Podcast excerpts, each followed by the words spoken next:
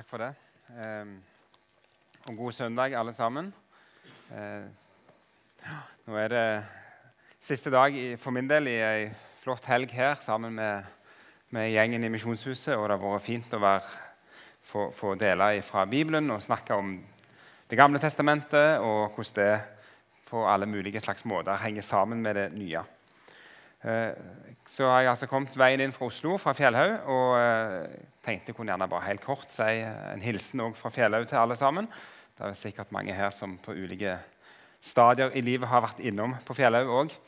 Og eh, der har vi, har vi, det som vanlig egentlig godt. Og det er en tid preget av egentlig optimisme, og vi opplever at vi har god tilgang til studenter, og vi opplever at det er interesse for fagene våre. Og det er mange som er villige til å, å ønsker å gå inn i ulike former for kristen tjeneste. Og det er et privilegium å få være lærer for dem. Eh, enten de sitter og svetter med greske gloser, som en god del av de gjør eh, når jeg har de, eller de sitter og funderer på dype teologiske spørsmål, som de gjerne kan gjøre i mange andre fag når de er ferdige med disse greske glosene. Men det er veldig kjekt, og eh, vi har har en veldig flott gjeng. Så vi er takknemlige for forbønn og vi er takknemlige for støtte av alle mulige former. Eh, så eh, ha med dere det òg eh, som en, en, del av deres, deres bønner og, og det, dere er oppmerksomme på. Vi trenger en, en teologisk utdannelsesinstitusjon som Fjellhaug i dagens Norge. Det er vi helt overbevist om. Og så er det altså eh, søndagens tekst som er, er, den vi skal få dele i lag nå. Og Jeg vil gjerne bare be en kort bønn før vi begynner med det. God Gud og himmelske Far, takk for ditt hellige ord som du har gitt oss. Nå ber vi, Herre, om at eh, du må åpne og forklare det for oss, sånn at vi får et glimt av din herlighet. Det ber vi om i Jesu navn. Amen. Det er altså eh, forklarelsens søndag i dag. Det er den siste søndagen før vi beveger oss inn i fastetida. Vi er altså ferdige med den perioden av kirkeåret som heter åpenbaringstid, der vi har fokusert på bibeltekster som handler om Jesus som sann Gud og sant menneske, og har fått utfolde det mysteriet at Gud sjøl kom til oss. Og Så skal vi nå inn i fastetida, og vi skal forberede oss på den store gjerning som Jesus gjorde i påsken. Og så er liksom dagens søndag det er en sånn siste nistestasjon kan vi nærmest si, før vi skal ta fatt på vandringen opp mot Jerusalem. Og Det passer egentlig godt inn i den sammenheng som teksten står i. Eh, for det at eh, Når vi er kommet til Markus 9, som er den teksten vi skal lese fra i dag, men også tilsvarende hos Matteus og, og, og Lukas, så er det sånn at eh, det er på dette tidspunktet i fortellingen til disse tre evangelistene at Jesus vender blikket sitt mot Jerusalem. Eh, så dette er noe av det siste som skjer før vandringen begynner. Og Når vi leser videre i Markusevangeliet, så er det en vandreberetning vi egentlig leser, der Jesus begynner å bevege seg opp mot Jerusalem.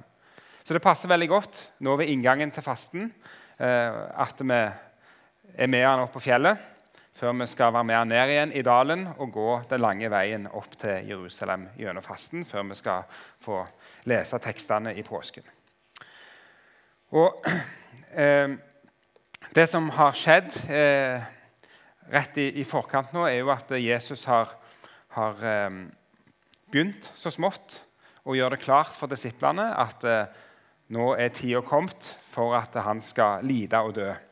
Så I versene rett før vår tekst, i eh, kapittel 8, vers 31, eh, så leser vi at Jesus begynte å lære dem og si at menneskesønnen må lide mye og ble forkasta av de eldste overprestene og de skriftlærde.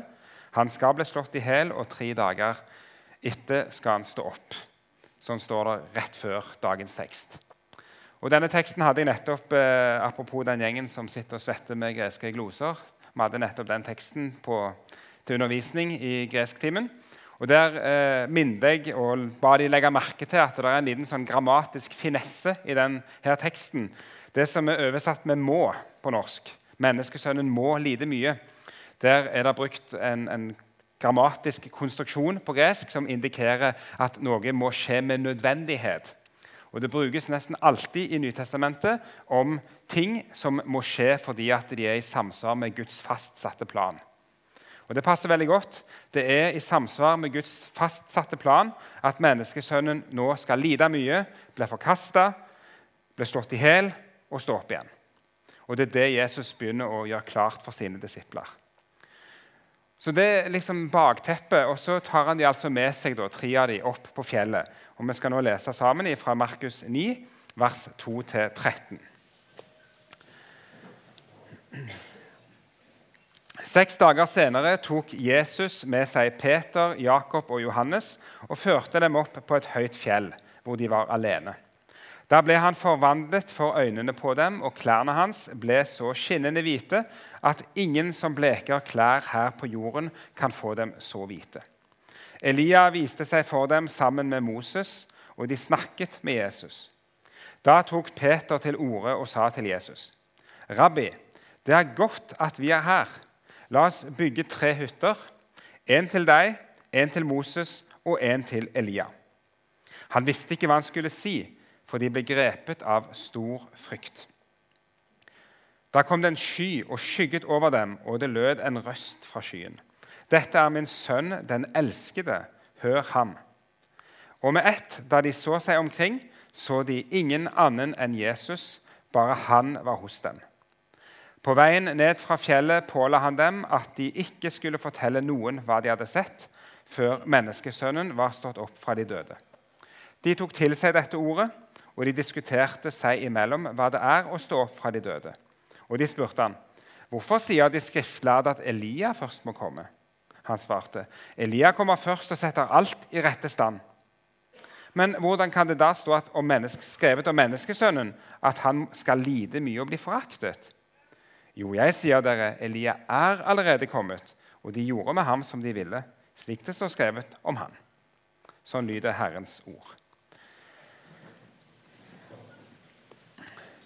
Vi får altså i dagens tekst et lite glimt av eh, Jesu herlighet, eh, der tre av hans disipler får være med han og se dette. her. Og Vi kan gjerne si at eh, det er Jesu guddomsglans som bryter gjennom dette her svakhetens dekke som preger Jesus i hans jordeliv. Så det er en veldig spesiell hendelse i evangeliene.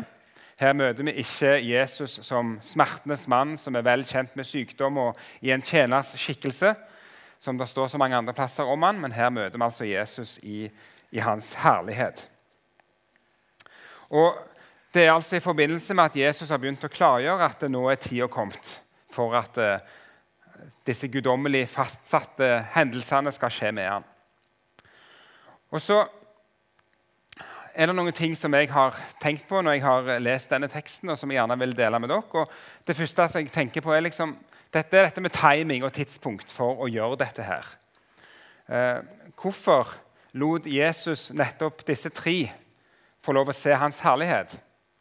Jeg syns jo på en måte ikke at de er så godt egnet. Eh, Peter har jo noen få vers i forveien blitt kraftig irettesatt med ordene 'Vik bak meg, Satan'. For Peter han har ikke kunnet akseptere at Jesus snart skal lide og dø. 'Herre, dette må aldri skje med deg', var Peter sin sterke, sine sterke ord til Jesus. Og Jesus svarer, 'Vik bak meg, Satan. Du forstår ingenting.'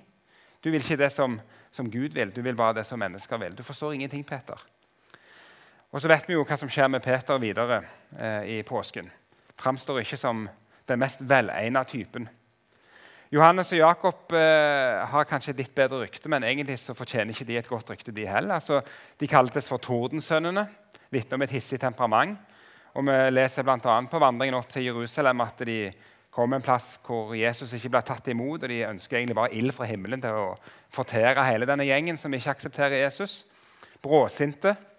Og I tillegg så framstår det der, I de kommende kapitlene så er det mange episoder der en får et inntrykk av at disiplene holder på med sånn intern stridighet om å posisjonere seg. Hvem skal være øverst av oss? Og Det er veldig ofte at Peter, nei, Jakob og, og, Johannes nevnes i den forbindelse. Det virker gjerne som de leder litt an i denne kampen om posisjonene. Så heller ikke de framstår som veldig egnet. Men altså, Det er gjerne det som er hele poenget, at det er nettopp de uegna som skal få lov å være med Jesus opp på, på fjellet og få lov å se hans guddomsglans. Og Kanskje det er nettopp meg og deg som trenger et sånt et glimt av Jesus. Og Det er jo nettopp disse tre som òg noen uker senere skal sitte i Getsemane og på nært hold se Jesus svette blod og rope fortvilte bønnerop til sin far. Så kanskje var det noe de trengte å ha med seg på veien. Men de er det altså som får lov å være med Jesus opp på fjellet. Eh, de tre uegna disiplene som likevel var i Jesu innerste kjerne. Og Det de opplever, er jo helt enestående. Peter han er ute av seg av begeistring og skrekk samtidig. 'Rabbi, det er godt at vi er her. La oss bygge tre hytter', sier Peter. Han blir praktisk i møte med en sånn situasjon. Eh, og så er de samtidig redde Lukas forteller oss at de sovna. Og En kan jo være fristet til å tenke at det er bare kroppen som kobler ut. De er så overvelda at eh, de bare sovner. På samme vis som i Getsemanehagen noen uker senere. Så det er en voldsom opplevelse som de får være med på. De får se Jesus i hans guddomsglans, og, og de reagerer kraftig, kroppslig og, og, og, mentalt på det som skjer. Ender opp med å bare bable og, og nærmest ikke vite helt hva de skal si. Så Det er disse tre som er med Jesus. Så Det er det første jeg måtte fundere på i møte med en sånn tekst. Hvorfor de? Men det var de som trengte det. Og så skal vi få lov å ta det til oss. Vi trenger òg et sånt et møte med Jesus. Samme hva tilstand vi kom inn her i dag, så, så, så trenger vi å få møte han.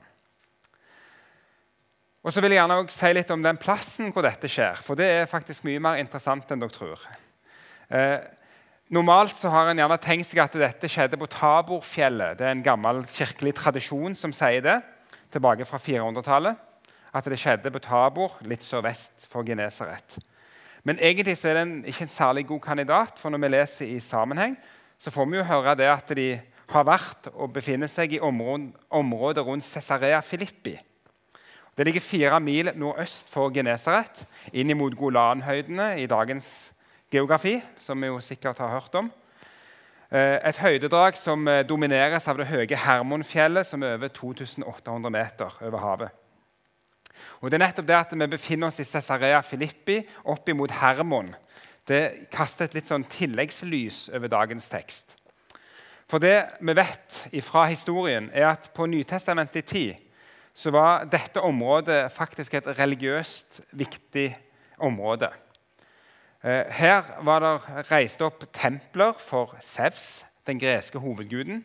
Og det var òg et tempel for skogsguden Pan, som kanskje noen har hørt om. Så, og, og, Fra enda eldre tider så var dette en plass som var preget av Baal-tilbedelse. Den gamle guden Baal, som var så viktig i, i Kanans religion. Og Akkurat det punktet kommer litt til uttrykk også i noen av salmene i GT. Eh, så vi skal ta med oss en lite glimt fra Salme 68. Eh, for i den salmen så tales det om Basans fjell, som ser så skeivt til Sionfjellet. Og Det er jo kryptiske geografiske henvisninger for oss, men da er altså Basans fjell det er altså dette fjellmassivet ved Golan og, og litt nordover med Hermon og dette området her. Og så er jo Sionsfjellet det er Jerusalem.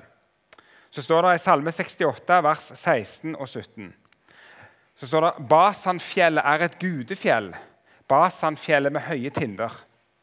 Høye tinder, hvorfor ser dere skjevt til fjellet som Gud ville ha til bolig, der Herren vil bo for alltid? Så tegnes det opp nærmest en slags konflikt mellom liksom Basanfjellene, som representerer gudene, Baal, den fremmede tilbedelsen og Herrens fjell i Jerusalem. Eh, og jeg tenker det, det, er relevant for vår tekst, for, for, det viser at Jesus beveger seg inn i fiendtlig territorium. Han tar med seg disiplene inn i fiendtlig territorium. En plass hvor det på hans tid står et tempel for Sevs, og et, en plass som fra gammelt av var forbundet med tilbedelse av Baal og disse kanoneske gudene.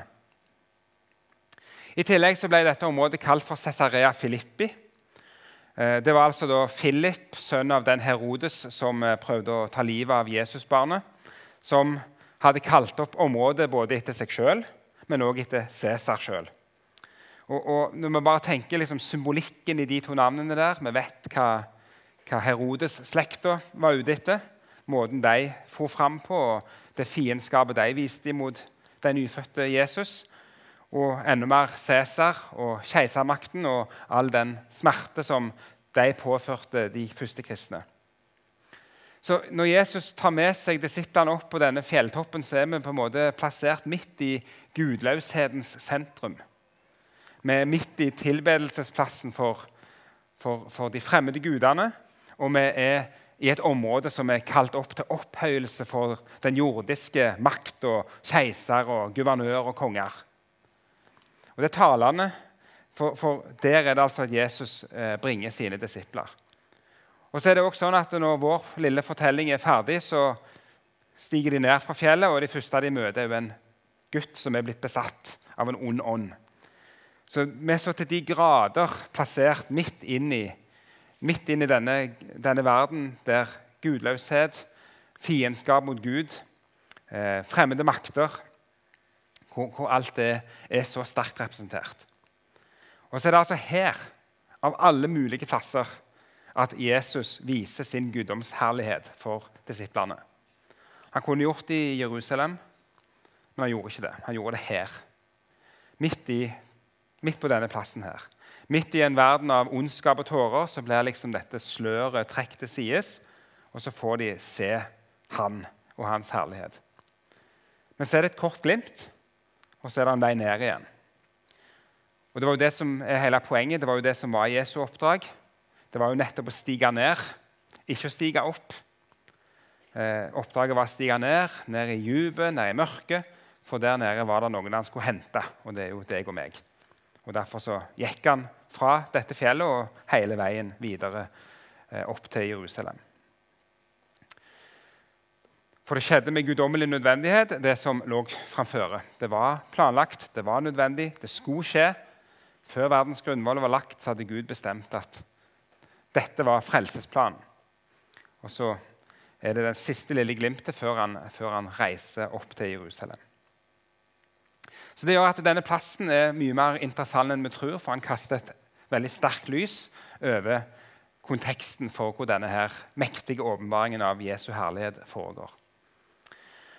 Og så er det jo da disse to i tillegg vi skal merke oss, som åpenbarer seg sammen med Jesus, Moses og Elia.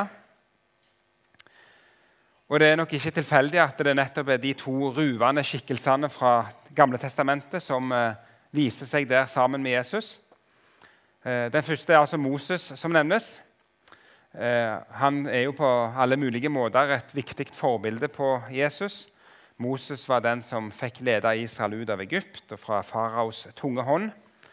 Eh, og nettopp den frelseshendelsen er jo i Bibelen om igjen og om igjen brukt som et forbilde på den frelsen som vi har i Jesus. Eh, og Det er kanskje ikke tilfeldig, men når Lukas gjenforteller historien, så står det at de talte om hans utgang.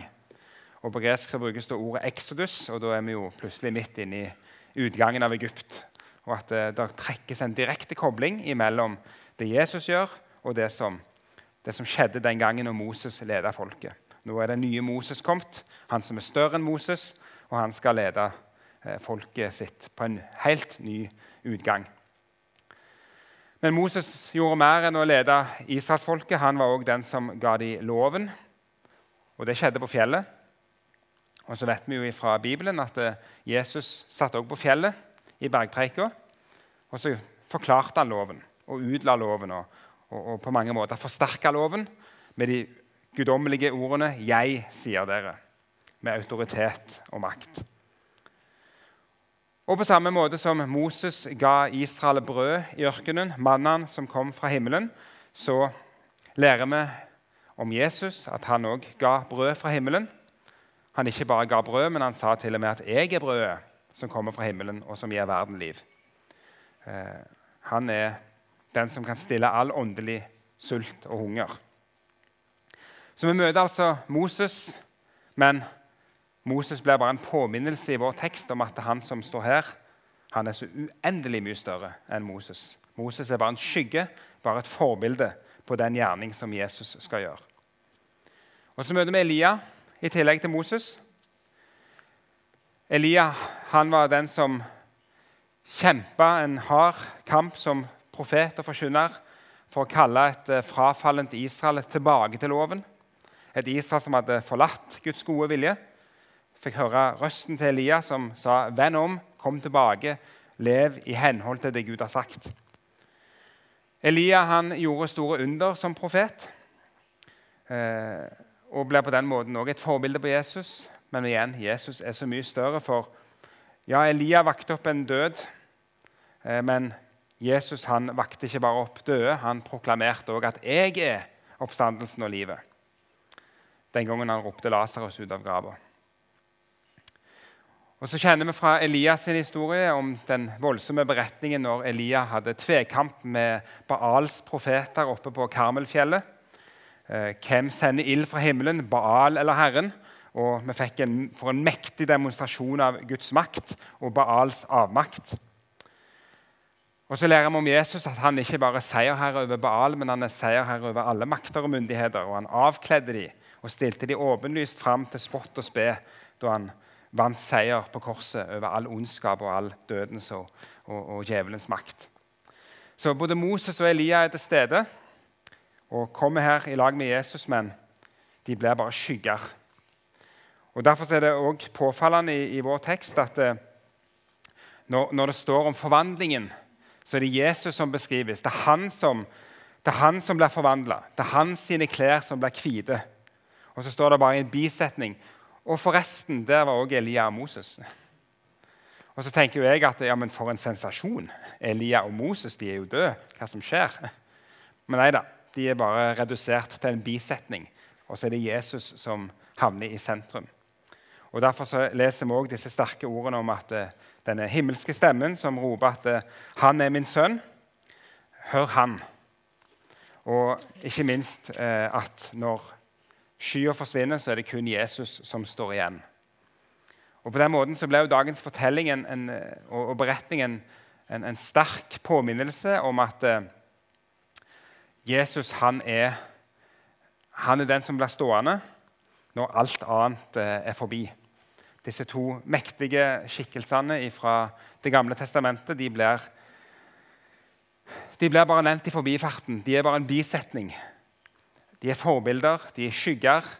Og så er det nå kommet det som er så uendelig mye større. Eh, to store lys som bleikner når sola skinner. Det kjenner vi jo til. Vi kan ofte synes det. Når det er mørkt, så er det godt å tenne lys, men når sola står opp, så forsvinner jo de lysene vi tenner. Og Litt sånn er det med forholdet mellom Moses og Elia og Jesus òg. At, at, ja, de var mektige, store. Eh, det er sensasjonelt at de dukker opp her på fjellet. Men jammen vel så er det en som er så uendelig mye større enn de. Og, og det, gjør, det, det, er en påminnelse om at eh, når alt kommer til alt, så treng, er det, det er ikke nødvendig med mer. Det er Jesus vi trenger. Det er Jesus som er tilstrekkelig. Og den som søker Gud, trenger ikke å gå til Moses og til hans lov og finne Gud der. Og den som søker Gud, trenger heller ikke gå til Elia og alle de sensasjonelle under som Elia gjorde. Eh, det handler ikke om å holde et sett med regler. Det handler ikke om å oppleve en viss mengde sensasjonelle ting og komme til Gud. Men vår tekst i dag lærer oss at eh, dette er min sønn. Den elskede. Hør han. Det er alt som trengs. Han er den eneste veien til Gud. Eh, det er en vei som kun går gjennom Jesus. Og så er det det som er situasjonen vår en vanlig søndag i februar. Eh, I en verden hvor vi omringes av krig og rykter om krig. Vi leser overskrifter i avisene om eh, ord og ting som sies av verdensledere, som kan skremme oss. Vi lever i et land der kristne i økende grad gir uttrykk for at det er vanskelig å snakke åpent om sin tro. Det var ikke lenge siden det var en ny undersøkelse blant kristne studenter som også viser det at mange opplever det krevende og, og vanskelig. Eh, det er lite aksept for det å være kristen. Og her i Misjonshuset og i Misjonssambandet så hører vi hjemme i en organisasjon og et fellesskap hvor vi de siste årene har fått mange påminnelser om hvor mye vondt og hvor mye smerte mennesker som til og med kaller seg brødre og søstre, er i stand til å påføre hverandre. Det er liksom den verden vi befinner oss i når vi nå skal bevege oss inn i fasten og vandringen opp imot mot Jerusalem og, og Jesu død og oppstandelse. Men så er det nettopp en dag hvor vi skal få være med Jesus opp. Vi skal få et glimt av hans guddomsherlighet. Og på den måten få en slags nistepakke, en påminnelse om at det er en stor Jesus vi har med å gjøre. Påskens budskap er et fornedrelsesbudskap, men det er ikke minst et herlighetsbudskap. Eh, og vi får altså se et glimt av det som venter på andre sida av grava i dagens tekst. Så tenkte jeg vi skal få lov å ta det med oss, og vi skal få lov å ta det til vår tru og til vår kjærlighet og til vårt håp. Vi skal få lov å tro på en Gud som møter oss midt i sentrum av denne syndens og smertens verden. Vi skal få lov å tro på Han som er den sanne Gud, som har steget ned til oss, og som ikke bare stiger ned på et høyt fjell og viser sin gudom, guddommelige herlighet, men som stiger ned i den mørkeste og djupeste dalen og tar på seg all vår smerte. Og så skal vi få lov i dag å tro at han er nok. Han er tilstrekkelig. Og så skal det få lov til å legge, ligge til grunn for vår kjærlighet, for vår tjeneste, for våre medmennesker og for verden. Og vi skal få ta med oss at eh, når Jesus og disiplene går videre, så er det nettopp ned fra fjellet der de møter en gutt som er besatt av en ond ånd, og som trenger hjelp. Og Det er nettopp fra fjellet og ned i dalen at vår vei òg går. Eh, og en søndag i februar, der vi skal få tjene våre medmennesker som har det vondt på ulike måter. Og så er kanskje teksten først og fremst et nydelig uttrykk for det håpet vi har. Vi skal få lov å håpe på en himmelsk herlighet. Vi har en tekst som gir oss et glimt Eh, av, av, Jesus i hans herlighet. Og så skal vi få lov å håpe at en dag så er det nettopp vi som skal få lov å bli omdanna og forklart og bli lik han i, i, himmelens herlighet. Vi skal en dag få lov å gå høyere opp og dypere inn i han og få lov å, å, å se han i all hans makt. Så det er en tekst som taler til vår tro, til vår kjærlighet og til vårt håp. For Jesus han er alt vi trenger. Så skal vi avslutte med en bønn. Gode Gud, himmelske Far, vi lover og priser og takker deg, for du er så uendelig god, og du har gjort så fantastiske ting for oss. Og vi takker deg, Herre, for at du gir oss et glimt av både din guddoms herlighet, men du viser oss òg at du er villig til å stige ned og møte oss der vi er. Og vi ber Herre om at eh, hver en av oss må få lov til å erfare at du kommer oss nær, og at du vil ha med oss å gjøre. Det ber vi om i Jesu navn. Amen.